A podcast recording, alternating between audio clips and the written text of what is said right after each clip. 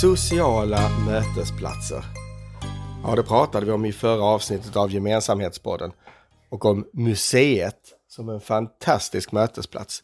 En outsinlig källa till samtalsämnen. Och de här anledningarna till att öppna upp samtal mellan människor. Om vi ska hålla i historia som tema lite så ska vi idag stifta bekantskap med en annan för många väldigt viktig mötesplats genom århundraden, nämligen kyrkan. Kyrkan har länge, länge varit navet i människors sociala liv. Och numera är kyrkans betydelse i vår vardag inte längre lika självklar. Vi har funnit annat att samlas kring. Men likväl finns man där och har en viktig funktion att fylla. Men nu har man en stor utmaning. Hur når man ut till ett allt mer sekulariserat folk som inte längre hittar till kyrkan? Jo, man ser till att vistas där människorna finns.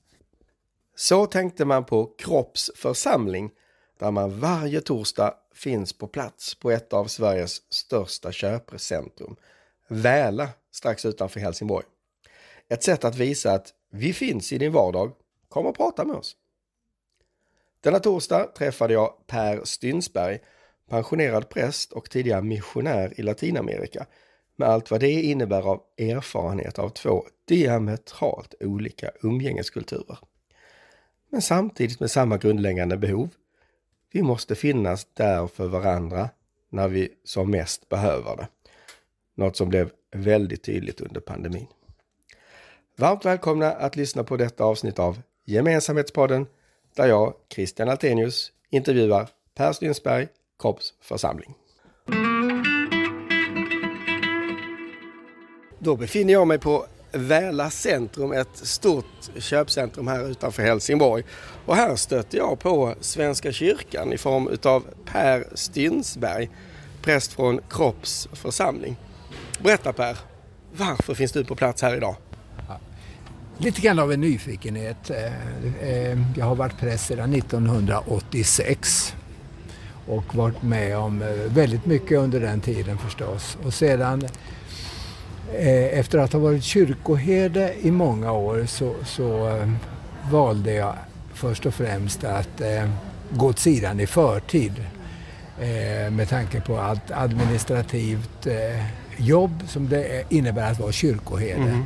Sedan hade jag eh, min mamma kvar i livet och jag kände att nej Per, eh, det finns värden som är väldigt viktiga i detta nu. Så att eh, jag gick i förtid från min kyrkoherdetjänst och eh, var en livlina åt min mamma mm. den sista tiden som var på ett eh, äldreboende här i Helsingborg. Så att jag bokstavligen matade henne den oh. sista tiden. Ja. Men efter hennes död och begravning så tänkte jag Per, du kan inte gå och skrota, du är bara 63.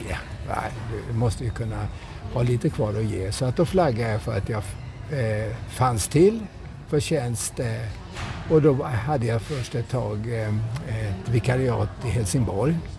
Men sedan kände jag att jag ville ha lite mer utmaningar än bara begravningar och så.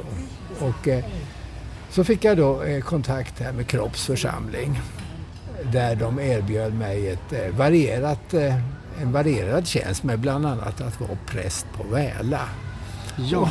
Och det där tyckte jag liksom var spännande för det hade jag inte med på mitt eh, CV sen tidigare så nu är jag här.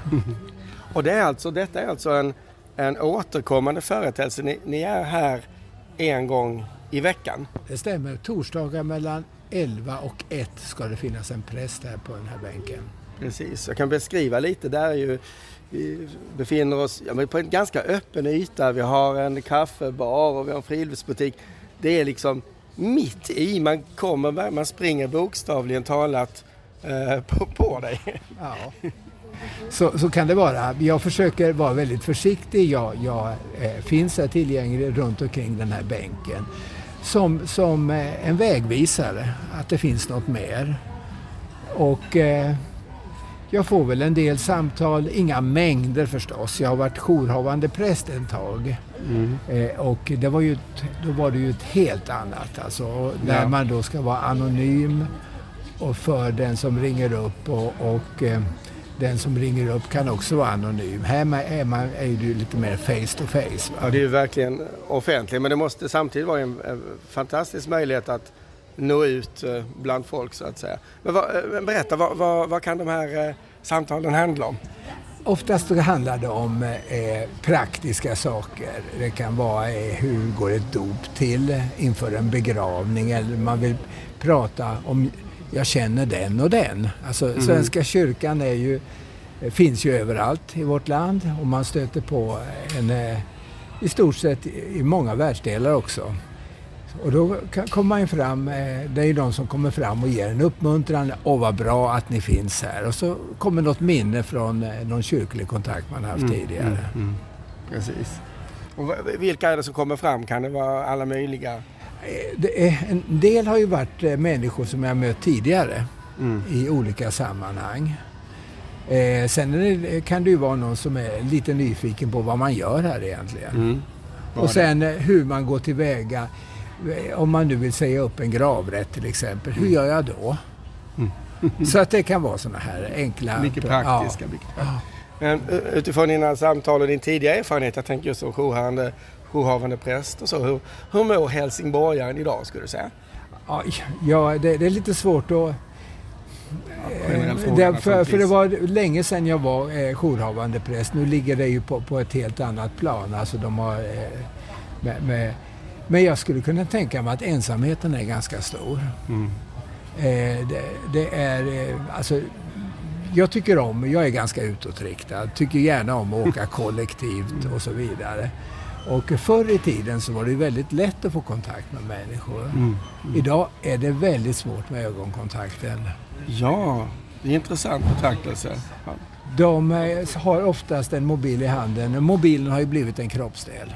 Mm, mm. Som man gömmer sig bakom. Och det är mm. svårt eh, att, att eh, jag blev lite, eh, precis innan du kom här så var det en, ett, ett asiatiskt par som stannade till, läste högt på skylten här och tittade på mig. Det var lite märkligt. Och även, även personer med slöja kan komma fram och säga hej. Ah, spännande. Ja. Men den här, den här, initiala kontakten har alltså blivit svårare. Vi har inte den här kontakten som du och jag sitter bredvid nej, varandra nej, nu? Nej, man är oerhört mm. försiktig. Mm. Wow. Man är oerhört mm. försiktig. Det, det, tar ett tag alltså. Men eh, kragen kan ju hjälpa till en del. Och man, som sagt, man finns till hands om man nu har något på hjärtat. Vi var inne på det här med ensamhet och ensamhet det betraktas ju som ett av våra riktigt stora folkhälsoutmaningar idag. Och jag vet ju att Svenska kyrkan jobbar ju väldigt aktivt med frågan, inte minst bland äldre och så. Eh, men jag är lite nyfiken på, bland dem du möter och har mött, alltså hur, hur utbrett skulle du säga att, att äh, ensamhet är idag eller kanske snarare hur, hur yt, yttrar den sig? Ja, alltså jag, jag vet, det har ju funnits, något som var ganska spännande det var ju hur kyrkan agerade under pandemin. Mm. För där fanns ju en stor oro för att delta i sociala kontakter. Vi, vi valde, då var jag kyrkoherde ute i Kågeröd och valde att inte ställa in utan ställa om. Mm. Så då flyttade vi ut aktiviteter för att, att eh, kunna bibehålla kontakten med församlingsborna, göra saker utan att komma i direkt kontakt med varandra. Om du förstår vad jag ja, menar. Så vi, hade, vi grillade korv, vi eh, gräddade våfflor, gjorde tipspromenader, hade stavgång och en massa saker utomhus. Ja. Mm. För att, eh, och, men som sagt, det fanns en oro, en rädsla för, för just eh, kontakt. Mm. Och eh, ibland var det ganska komiskt det här för att vi, vi var ju tvungna givetvis att följa alla riktlinjer att, med begränsningar i, i antalet deltagare i en gudstjänst. Mm, mm. Ett tag var det nere på åtta. Oh, ja, just det. Ja, det var som värst. Och eh, då kunde någon ringa in, för då var de ju tvungna att boka sin plats. Mm. Och då kan du tänka dig en kyrka som tar flera hundra och så ringer de till mig och säger, är det fullt eller finns det plats för mig? det hänger i lite. Ja, ja. Mm. Och sen, nej, det, men eh, så det, det har ju funnits en försiktighet kring, kring att komma mm. nära varandra. Och den har hängt kvar lite ja, har jag märkt också. Ja, det har det varit. Lite, lite och en del frågar hur är det möjligt och så vidare. Eh, så att sen efteråt när de släppte det hela så kändes det att eh, äntligen, mm. äntligen kan vi få komma eh, till igen. Mm. Men som sagt, det, det, är mycket stress idag och eh, efter pandemin kom mm. kriget. E-, ekonomin sviktar, oron Exakt. och så vidare. Orostider ja. befinner vi oss väldigt mycket just. En, en typ av ensamhet som vi har belyst flera gånger i podden tidigare, det är existentiell ensamhet. En djupare form av ensamhet som är svår att sätta ord på egentligen men som handlar mycket om en ja, men känsla av att inte passa in eller att bli sedd eller hörd. Och då kommer vi ju osökt in på Svenska kyrkans paradgren livsåskådningsfrågor naturligtvis. Så att, orostider som dessa, jag tänker lite på det. Jag har tänkt mycket på hur kan vi få igång ett samtal? Hur kan vi liksom börja prata mer med varandra om denna ja, men existentiella oro som, som jag tror många bär inom sig idag. Problemet är idag, som utifrån min lilla eh, synvinkel, är ju att det här med ensam är stark mm. är så. Vi är det är ett oerhört eh, individualistiskt samhälle vi lever i. Ja, alltid varit tror jag. Ja, och, och just den här, jag har ju eh, också ett förflutet som missionär. Ah. Jag har varit ute närmare åtta år i Latinamerika. Mm, helt annat. Helt annat, där man bjuder på sig själv, man har ingenting att gömma sig bakom och, och man kommer samman. Mm. Och har man möjlighet till fest, då ställer man till med en fest utan att bekymra sig för morgondagens konsekvenser. Va? Eh, medan hos oss är, är ju detta, och när det gäller religion så, så är det ju så här att i, i Sverige så, så lever vi mycket efter det här med att ensam är stark.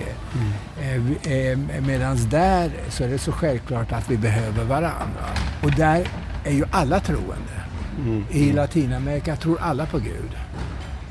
Däremot tror man på olika sätt. Men man skäms inte för sin tro, sin ah, tillhörighet. Medan här så är man oerhört osäker på sin bakgrund, sitt ursprung. Vilket gör att, eh, att eh, när man kommer i kontakt med kyrkan, det ska vara någonting som känner man sig lite främmande. Hur ska vi hantera? Och det kan vara ibland sådana saker, får vi göra det? Är detta mm. lämpligt? Och så vidare. Så det finns mycket, det finns en osäkerhet ja, också. Det, exakt vad ordet jag skulle säga där, att exakt det du säger nu, den här osäkerheten, det religion, gäller nog inte bara religion utan det gäller allt egentligen, relationen till andra människor.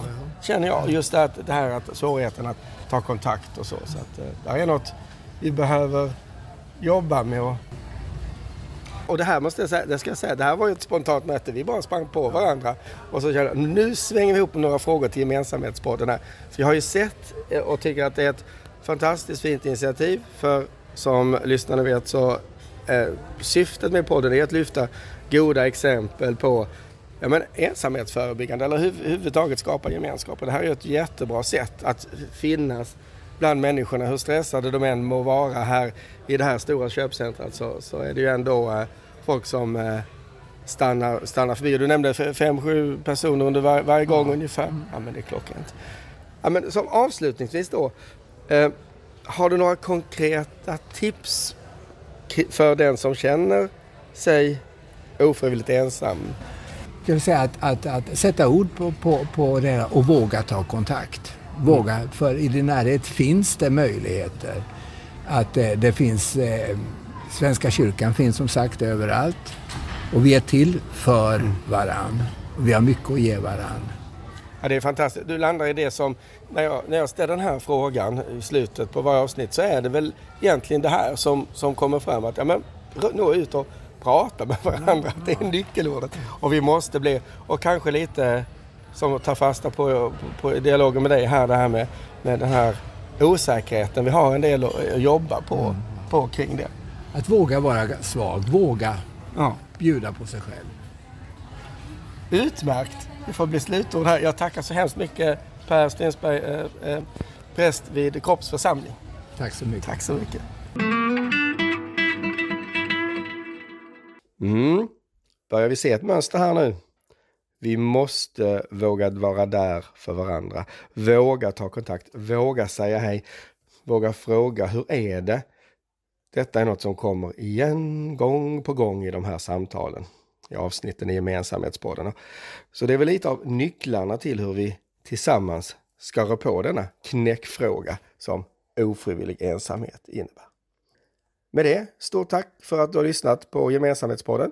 Säger jag, Christian Latenius medlem i NSOE, nätverket Stoppa ofrivillig ensamhet. Vi hörs snart igen med ännu ett nytt avsnitt om socialt välbefinnande och hälsa.